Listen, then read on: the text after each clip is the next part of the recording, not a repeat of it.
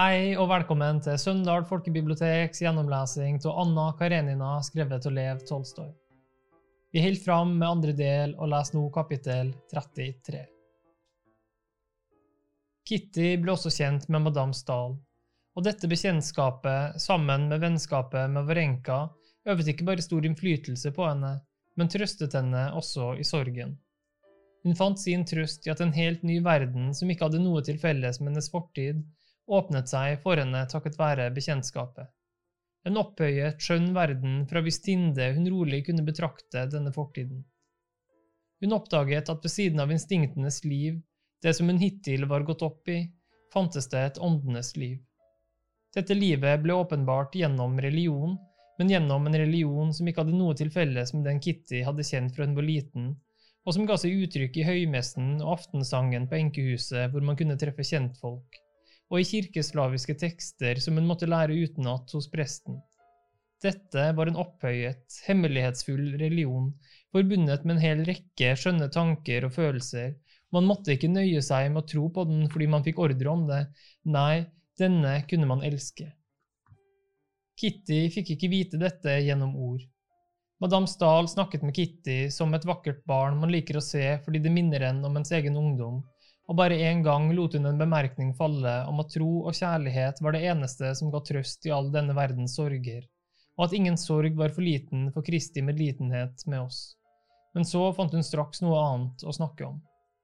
Men i hver eneste av hennes bevegelser, i hvert ord hun sa, i hvert av hennes himmelske blikk, som Kitty kalte det, og særlig i hennes livsløp, som hun hadde fått kjennskap til gjennom Varenka, ja, i alt så hun det som betydde noe, og som hun hittil ikke hadde kjent.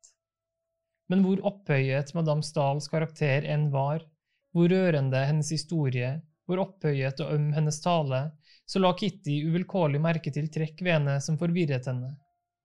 Hun så at når Madame Stahl spurte henne om familien hennes, smilte hun foraktelig, og det var jo i strid med den kristelige godhet. Hun la også merke til at når hun traff en katolsk prest hos Madame Stahl, sørget fruen for å holde ansiktet i skyggen av lampeskjermen og smilte særlig søtt. Hvor lite disse to iakttagelsene enn betydde, forvirret til Kitty og fikk henne til å tvile på Madame Stahl. Men til gjengjeld var Varenka, ensom, uten slekt, uten venner, vemodig resignert, uten ønsker, uten savn, nettopp den fullkomne Kitty bare torde drømme om. Av Varenka forsto hun at det bare var om å gjøre å glemme seg selv og elske andre mennesker, så ville man bli rolig, lykkelig og skjønn. Og det ville Kitty bli. Nå da Kitty klart hadde forstått hva det aller viktigste var, slo hun seg ikke til ro med å la seg begeistre av det, men henga seg straks til dette nye livet som hadde åpnet seg for henne. Av Varenkas fortellinger om hva Madame Stahl og andre hun nevnte, gjorde, hadde Kitty alt dannet seg en plan for sitt fremtidige liv. Akkurat som Madame Stahls niese, Aline, som Varenka hadde fortalt henne så mye om, ville hun, hvor hun enn bodde, oppsøke de ulykkelige og hjelpe dem av all sin makt utbre evangeliet og lese det for syke, fengslede og døende. Tanken på å lese evangeliet for forbrytere, slik Aline gjorde, virket særlig forlokkende på Kitty. Men alt dette var lønnlige tanker som Kitty åpenbarte verken for moren eller Varenka. Forresten fant Kitty også nå, mens hun måtte vente på den rette tid til å virkeliggjøre sine planer i stort omfang, god anledning til å sette sine nye prinsipper ut i livet og ta efter Borenka her på badestedet hvor det var så mange syke og ulykkelige. Til å begynne med la fyrstinnen bare merke til at Kitty sto under sterk innflytelse av sitt engouement, som hun kalte det, for fru Stahl og særlig Borenka. Hun så at Kitty ikke bare tok efter Borenka i sine gjøremål, men også uvilkårlig la seg til hennes måte å gå, tale og blunke med øynene på. Men så la fyrstinnen merke til at det foregikk en alvorlig sjelelig omveltning i datteren, uavhengig av denne fortryllelsen. Fyrstinnen så at Kitty nå leste i et fransk nytestamente hun hadde fått av madame Stahl om kvelden, noe hun ikke hadde gjort tidligere. Dessuten at hun unngikk sine fornemme bekjentskaper og søkte sammen med de syke som Varenka hadde tatt i sin varetekt, særlig den syke kunstmaleren Petrov og hans fattige familie. Kitty var tydelig stolt av at hun øvet en sykepleierskes gjerning i denne familien. Dette var vel og bra alt sammen, og fyrstinnen hadde ikke noe imot det. særlig fordi fru Petrova var et meget respektabelt menneske, og fordi den tyske fyrstinnen hadde bemerket Kittys arbeide og rost henne, ja, kalt henne en trøstens engel. Alt dette ville vært svært bra, var det bare ikke blitt overdrevet. Men fyrstinnen så at datteren nå var i ferd med å gå for vidt, noe hun også sa til henne. Il ne faut jamais rien autre, sa hun. Men datteren svarte henne ikke. Hun tenkte bare for seg selv at når det gjaldt kristendommen, kunne det ikke være tale om å gå for vidt. Hvordan kunne man gå for vidt i å følge en lære som bød en vende det andre sinnet til når en ble slått på det ene, og gi skjorten med når kappen ble tatt fra en? Men fyrstinnen likte ikke denne overdrivelsen, og enda mindre likte hun den følelsen hun nå hadde av at Kitty ikke ville åpne seg helt for henne. Kitty holdt virkelig sine nye meninger og følelser skjult for moren. Hun holdt dem ikke skjult fordi hun ikke satte pris på, var glad i moren, men bare fordi hun var moren hennes. Hun ville ha åpenbart dem for hvem som helst før moren. Det er da lenge siden Anna Pavlovna har vært hos oss, sa fyrstinnen en dag om fru Petrova. Jeg har bedt henne, men hun er liksom misfornøyd med et eller annet. Nei, det har jeg ikke merket, mammaen, sa Kitty, blustende rød. Er det lenge siden du var hos dem? Vi har tenkt å ta en tur til fjells i morgen, svarte Kitty. Bevares, ja, bare dra, sa fyrstinnen og studerte datterens forvirrede ansikt mens hun forsøkte å gjette årsaken til denne forvirringen. Samme dag kom Vorenka til middag og fortalte at Anna Pavlovna hadde ombestemt seg og ikke ville til fjells dagen efter, og fyrstinnen la merke til at Kitty rødmet igjen. Kitty, du har vel ikke vært ute for noe ubehagelig med Petrovs, sa fyrstinnen da de var blitt alene. Hvorfor har hun sluttet å sende barna over og selv besøke oss også? Kitty svarte at det ikke var skjedd noe mellom dem, og at hun absolutt ikke kunne forstå hvorfor Anna Pavlovna liksom var misfornøyd med henne. Kitty svarte helt sant. Hun kjente ikke årsaken til at Anna Pavlovna hadde forandret seg, men hun gjettet. Hun gjettet på noe som hun ikke kunne fortelle moren, og som hun heller ikke fortalte seg selv. Det var en av de ting man vet om, men som man ikke kan fortelle seg selv engang, så stor er gruen og skammen om man tar feil. Igjen og igjen gikk hun i hukommelsen gjennom hele sitt forhold til denne familien. Hun husket den naive gleden som hadde bredt seg utover Anna Pavlovnas runde, snille ansikt når de møttes. Hun husket deres hemmelige samtaler om den syke, hvordan de sammensverget seg for å få ham bort fra arbeidet han ikke hadde lov til å drive med, og heller få ham med ut en tur. Hun husket hvor nær knyttet minstegutten hadde vært til henne, hvordan han hadde kalt henne min Kitty og ikke villet legge seg uten henne så godt alt hadde vært. Så husket hun den radmagre skikkelsen til Petrov med den lange halsen og den brune redingoten, hans glisne, krøllete hår, hans blå øyne som Kitty til å begynne med hadde synes var så forferdelige, og anstrengelsene hans for å vise seg både frisk og opplagt i hennes nærvær. Hun husket hvordan hun til å begynne med hadde kjempet for å overvinne avskyen hun følte for ham som for alle tuberkuløse, og hvordan hun hadde strevet for å finne noe å snakke med ham om. Hun husket dette sky, bevegde blikket hans festet på henne, og den selsomme følelsen av pinlig medlidenhet, og så bevisstheten om sin egen godgjørenhet som hun samtidig følte. Så godt alt dette var, men alt dette hadde vært til å begynne med. Nå, for noen dager siden, var alt plutselig gått over styr. Anna Pavlovna møtte nå Kitty med tilgjort elskverdighet og tok ikke et øyeblikk øyne fra henne og mannen. Kunne virkelig denne rørende gleden hans over at hun kom imot dem, være årsaken til at Anna Pavlovna var blitt så kold? Jo, tenkte hun, det var noe unaturlig ved Anna Pavlovna, noe som slett ikke lignet hennes vanlige godhet, da hun her i forgårs ergerlig sa, ja, nå har han sittet og ventet på dem hele tiden, han ville ikke ha kaffe før de kom, enda han er blitt svært svak. Jo, og så kan hende hun ikke likte at jeg ga ham pleddet. Alt var jo så greit, men han tok så klossete imot det og takket så lenge at også jeg syntes det ble pinlig, og så dette portrettet mitt som normalt så godt. Men først og fremst blikket, så ømt og forlegent. Jo, jo, det er så, gjentok Kitty for seg selv med gru. Nei, det kan ikke, det må ikke være så. Det er så synd på ham, sa hun til seg selv like efter. Denne tvilen forgifter tillokkelsen ved hennes nye liv.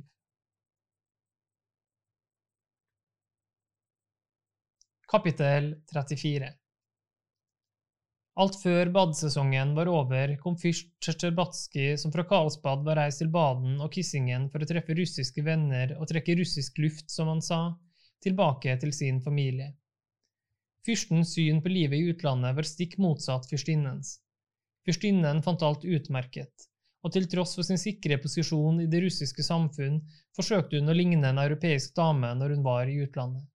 Men en slik var hun ikke for hun var en ekte russisk adelsfrue, og derfor skapte hun seg så det stundom var pinlig for henne selv òg.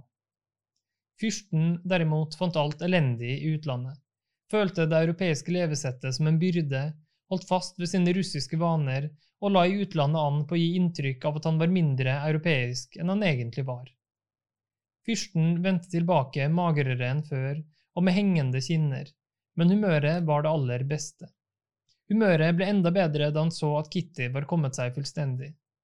Nyheten om Kittys vennskap med madame Stahl og Varenka og fyrstinnens iakttagelser angående forandringen som skulle ha foregått med Kitty, uroet fyrsten og vakte hans vanlige følelse av skinnsyke mot alt som opptok datteren foruten ham selv, og engstelse for at datteren skulle trekke seg bort fra hans innflytelse til felter hvor han ikke kunne nå henne.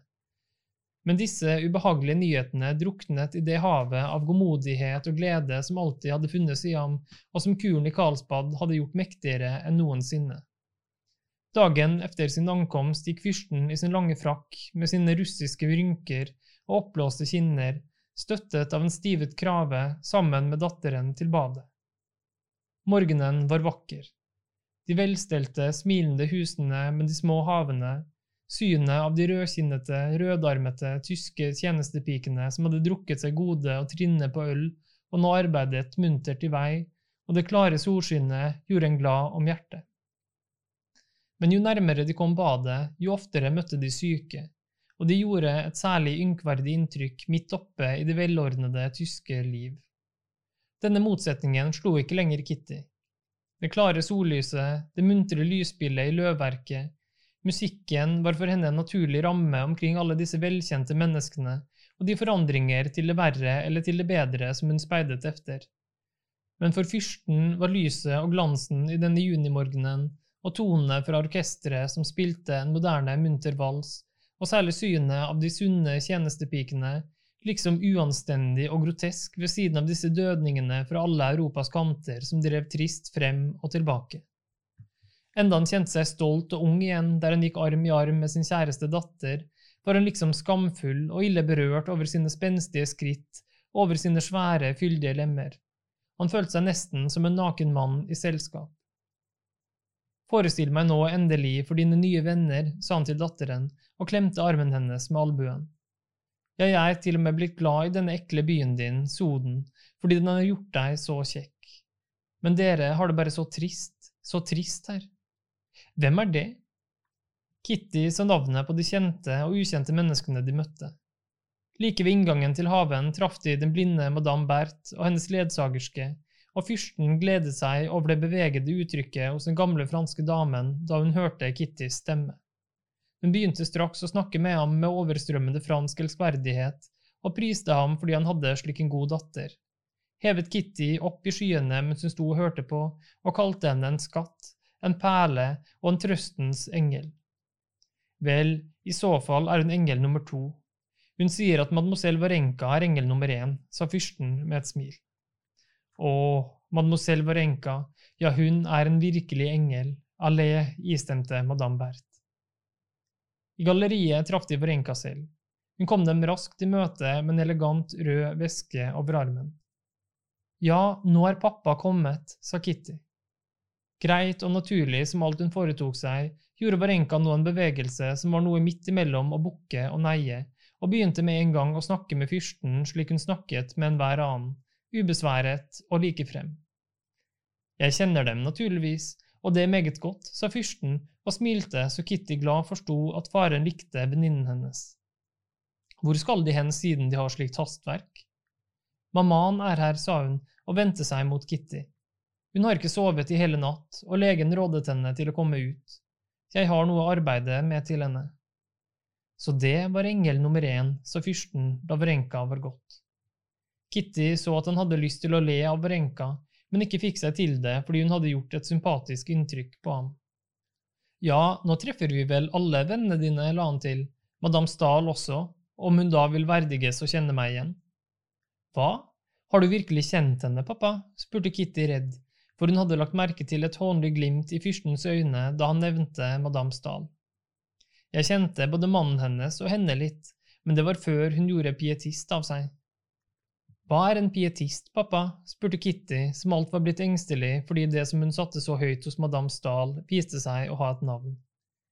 Jeg vet ikke riktig selv engang, jeg vet bare at hun takker Gud for alt mulig, for alle ulykker, også for at mannen hennes døde, takker hun Vår Herre. Nå, det er jo egentlig komisk, for de levet svært dårlig sammen. Hvem er det? Stakkars mann, spurte han. På en benk hadde han sett en liten syk mann i brun frakk og hvite bukser som rynket seg så rart om de skinnmagre, knoklete bena hans. Herren lettet på stråhatten så det krøllete, glisne håret og en høy panne, sykelig rød av hatten, kom til syne. Det er maleren Petrov, svarte Kitty og rødmet, og det er konen hans, tilføyet hun og pekte på Anna Pavlovna. Hun var gått efter et av barna som var løpt sin vei bortover veien. Det så nesten ut som hun gjorde det med vilje akkurat da de nærmet seg. Stakkars mann, men for et godt ansikt han har, sa fyrsten. Hvorfor gikk du ikke bort til ham? Han ville visst si deg noe. Ja, så går vi dit bort, sa Kitty og snudde besluttsomt. Hvordan står det til i dag? spurte hun Petrov. Petrov reiste seg, støttet seg på stokken og så engstelig på fyrsten.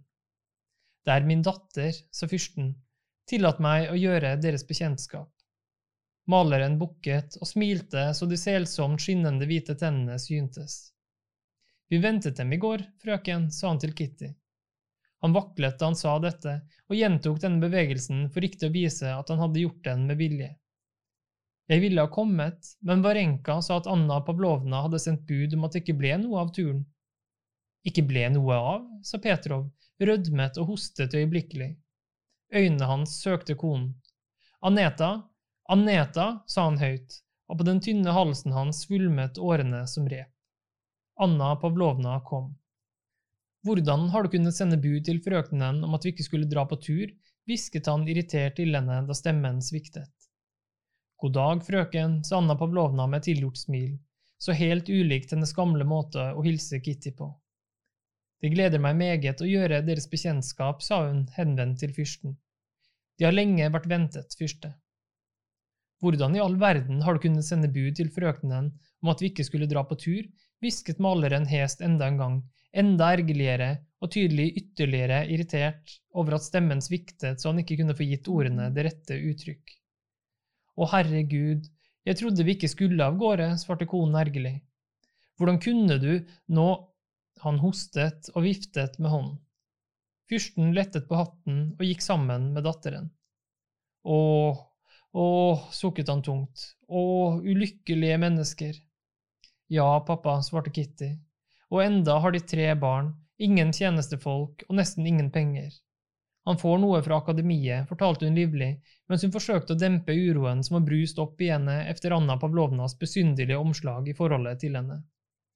Og der har vi madame Stahl også, sa Kitty og pekte på en liten vogn hvor det lå et eller annet, kledd i noe grått og mørkeblått under en parasoll. Det var fru Stahl. Bak henne sto en alvorlig, sterk tysk arbeidsmann som trillet henne. Ved siden sto en blond svensk greve som Kitty kjente av navn. Noen pasienter drev sakte omkring vognen og så på denne damen som på noe riktig merkverdig. Fyrsten gikk bort til henne, og straks la Kitty merke til dette hånlige glimtet i øyet hans som gjorde henne så forvirret. Han gikk bort til madame Stahl og sa på utmerket fransk et språk bare de færreste behersker så fullkomment i dag, med utsøkt høflighet og vennlighet. Jeg vet ikke om de erindrer meg, men jeg må minne dem om min person for å takke dem for deres godhet mot min datter, sa han, tok katten av og ble stående med den i hånden. Fyrst Aleksander Tsjetsjerbatskij, sa madame Stahl og løftet sine himmelske øyne, hvor Kitty la merke til et misfornøyd glimt mot ham. Det gleder meg virkelig å se dem, jeg er blitt så glad i deres datter. Helsen er fremdeles like dårlig. Ja, men det er jeg vant til nå, sa madame Stahl og presenterte fyrsten for den svenske greven. Men de har forandret dem svært lite, sa fyrsten til henne. Jeg har ikke hatt den ære å se dem på ti eller elleve år. Ja, Gud gir korset, og han gir kraft til å bære det. Jeg undrer meg ofte over hvorfor dette livet trekker så ut. Den andre siden, så hun ergerlig til Varenka, som tullet pleddet om henne på en gal måte. For at man skulle gjøre godt, antagelig, sa fyrsten og lo med øynene. Det kan ikke vi drømme om, sa madame Stahl, som hadde lagt merke til fyrstens ansiktsuttrykk. Så sender de meg den boken, kjære greve. Hjertelig takk, sa hun til den unge svensken. Å, utbrøt fyrsten da han la merke til obersten fra Moskva som sto like ved. Så bukket han til fru Stahl og gikk sin vei sammen med datteren. Obersten fra Moskva slo følge med dem. Det er vårt aristokrati, fyrste, sa obersten fra Moskva og forsøkte å være ironisk. Han var fornærmet på fru Stahl fordi hun ikke ville bli presentert for ham. Hun har ikke forandret seg, nei, svarte fyrsten. Men de kjente henne jo før hun ble syk, fyrste, altså før hun ble sengeliggende.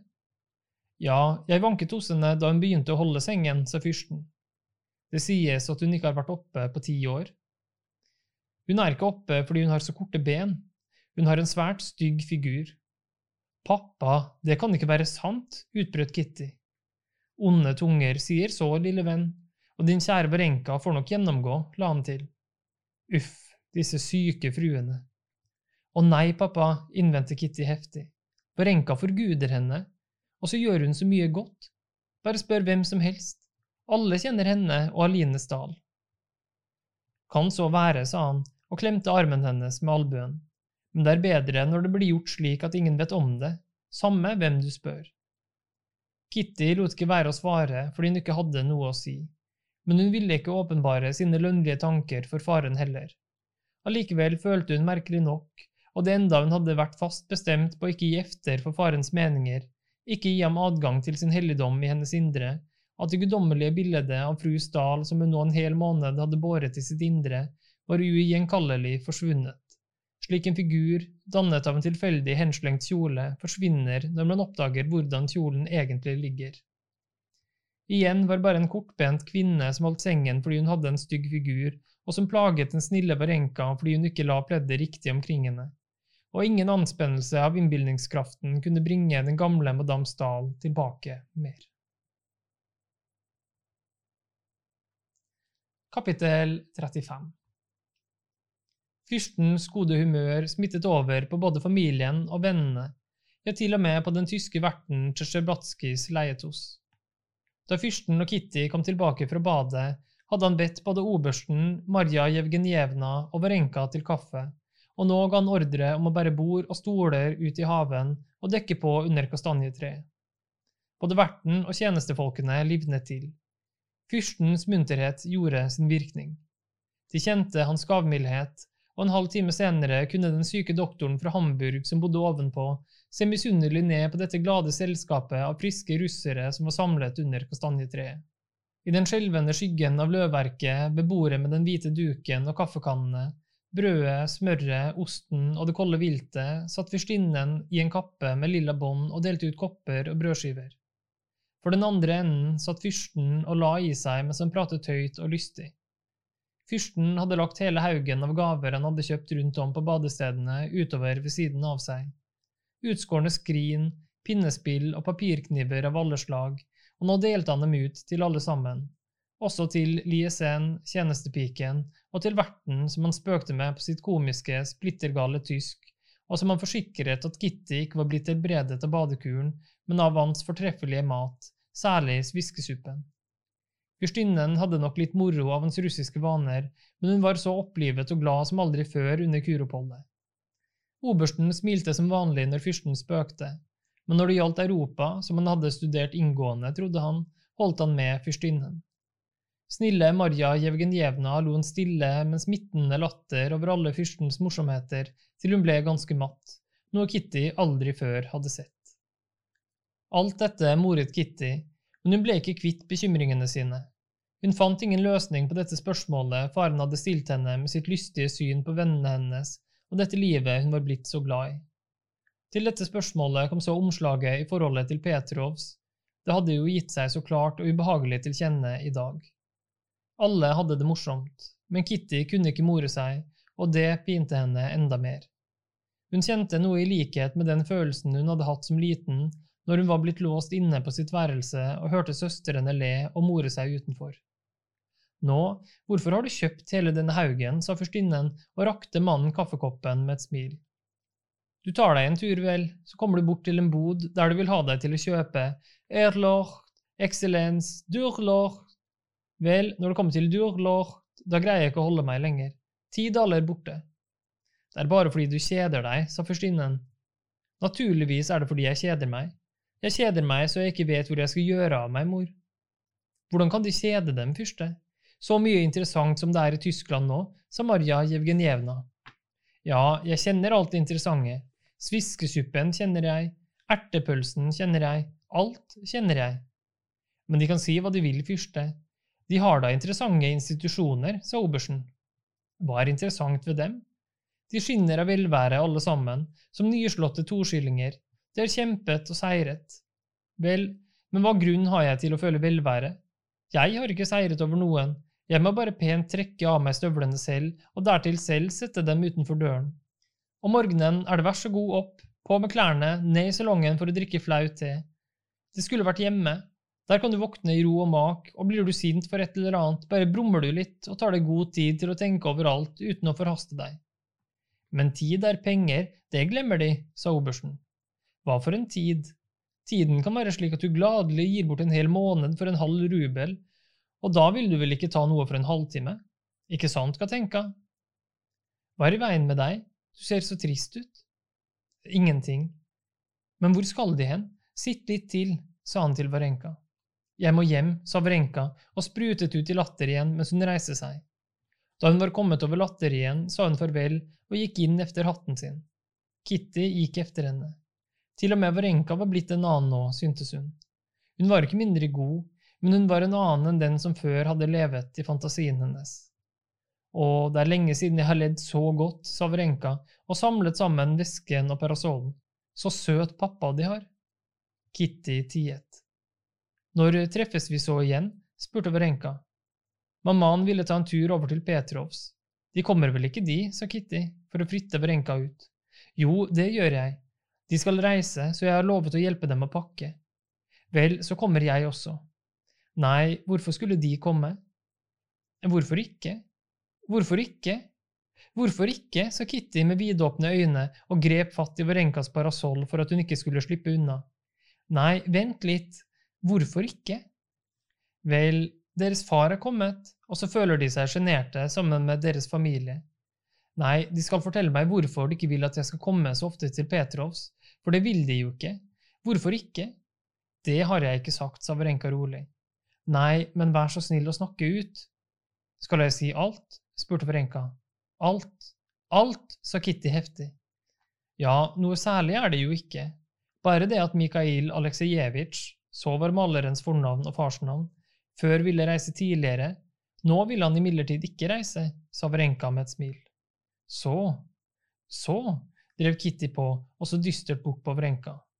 Vel, og så fant Anna Pavlovna på å si at han ikke ville reise fordi de var her. Det var selvsagt dumt sagt, men dette, eller de altså, er blitt årsak til strid. Men de vet jo selv hvor irritable disse syke er. Kitty sa ikke et ord ble bare dystrere og dystrere, og Brenka snakket alene mens hun prøvde å glatte over og gjøre henne mildere stemt. Hun så at det snart måtte briste, men visste ikke hva som ville komme, tårer eller ord. Så det er best om de lar være å komme, de forstår det nok og tar det ikke ille opp. Akkurat tilpass for meg, akkurat tilpass, sa Kitty raskt, trev parasollen ut av Varenkas hender og så ut i luften. Varenka ville smile da hun så venninnen sint som et barn, men var redd for å såre henne. Tilpass? Hvordan det? Jeg forstår ikke, sa hun. Tilpass for meg fordi det bare har vært forstillelse og påfunn, ikke noe som er kommet fra hjertet. Hva vedkom vel den fremmede mann meg, og så ble enden at jeg ble årsak til strid, at jeg gjorde noe ingen hadde bedt meg om? Bare fordi alt var forstillelse, forstillelse, forstillelse? Men hvorfor skulle de forstille dem, sa Varenka stille. Å, så tåpelig, så vemmelig, jeg behøver det slett ikke. Bare forstillelse, sa hun der hun sto og slo parasollen opp og igjen. Ja, men hvorfor? For å ta meg bedre ut for menneskene, For meg selv? For Gud? For å bedra alle sammen? Nei, den fristelsen skal jeg ikke falle for mer. Et dårlig menneske, ja vel, men ingen løgner eller hykler. Men hvem er det som er hykler? sa Vrenka bebreidende. De snakker som om… Men Kitty hadde et anfall av hissighet. Hun lot henne ikke snakke ferdig. Jeg snakker ikke om dem, slett ikke, de er fullkommen.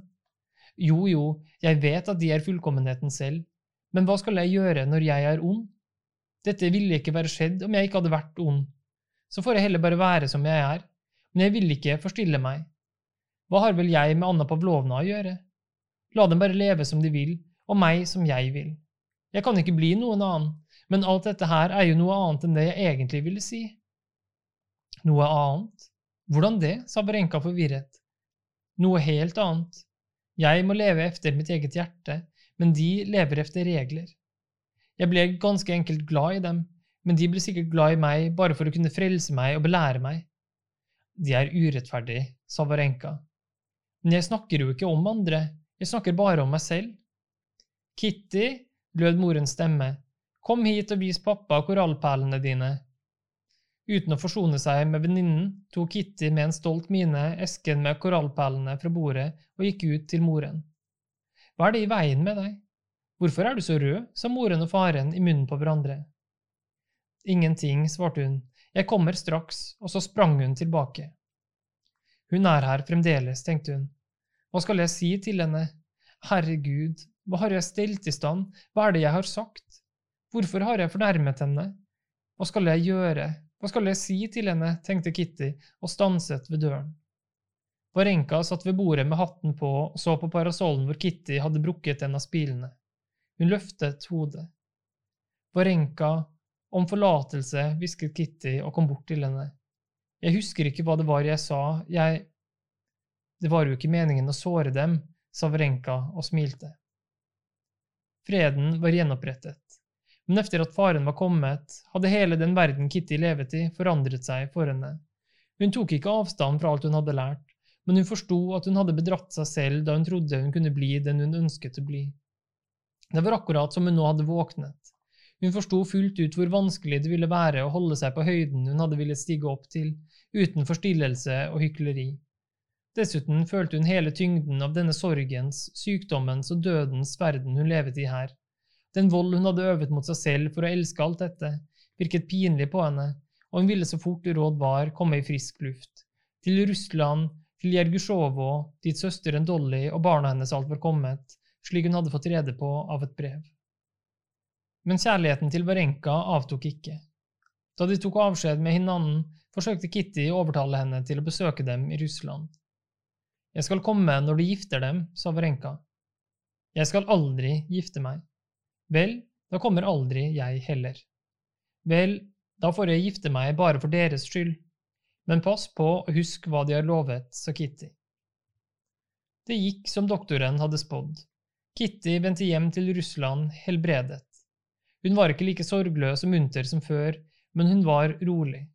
De bitre opplevelsene i Moskva var blitt et minne. Takk for oppmerksomheten. Oppleser var Torgeir Brun.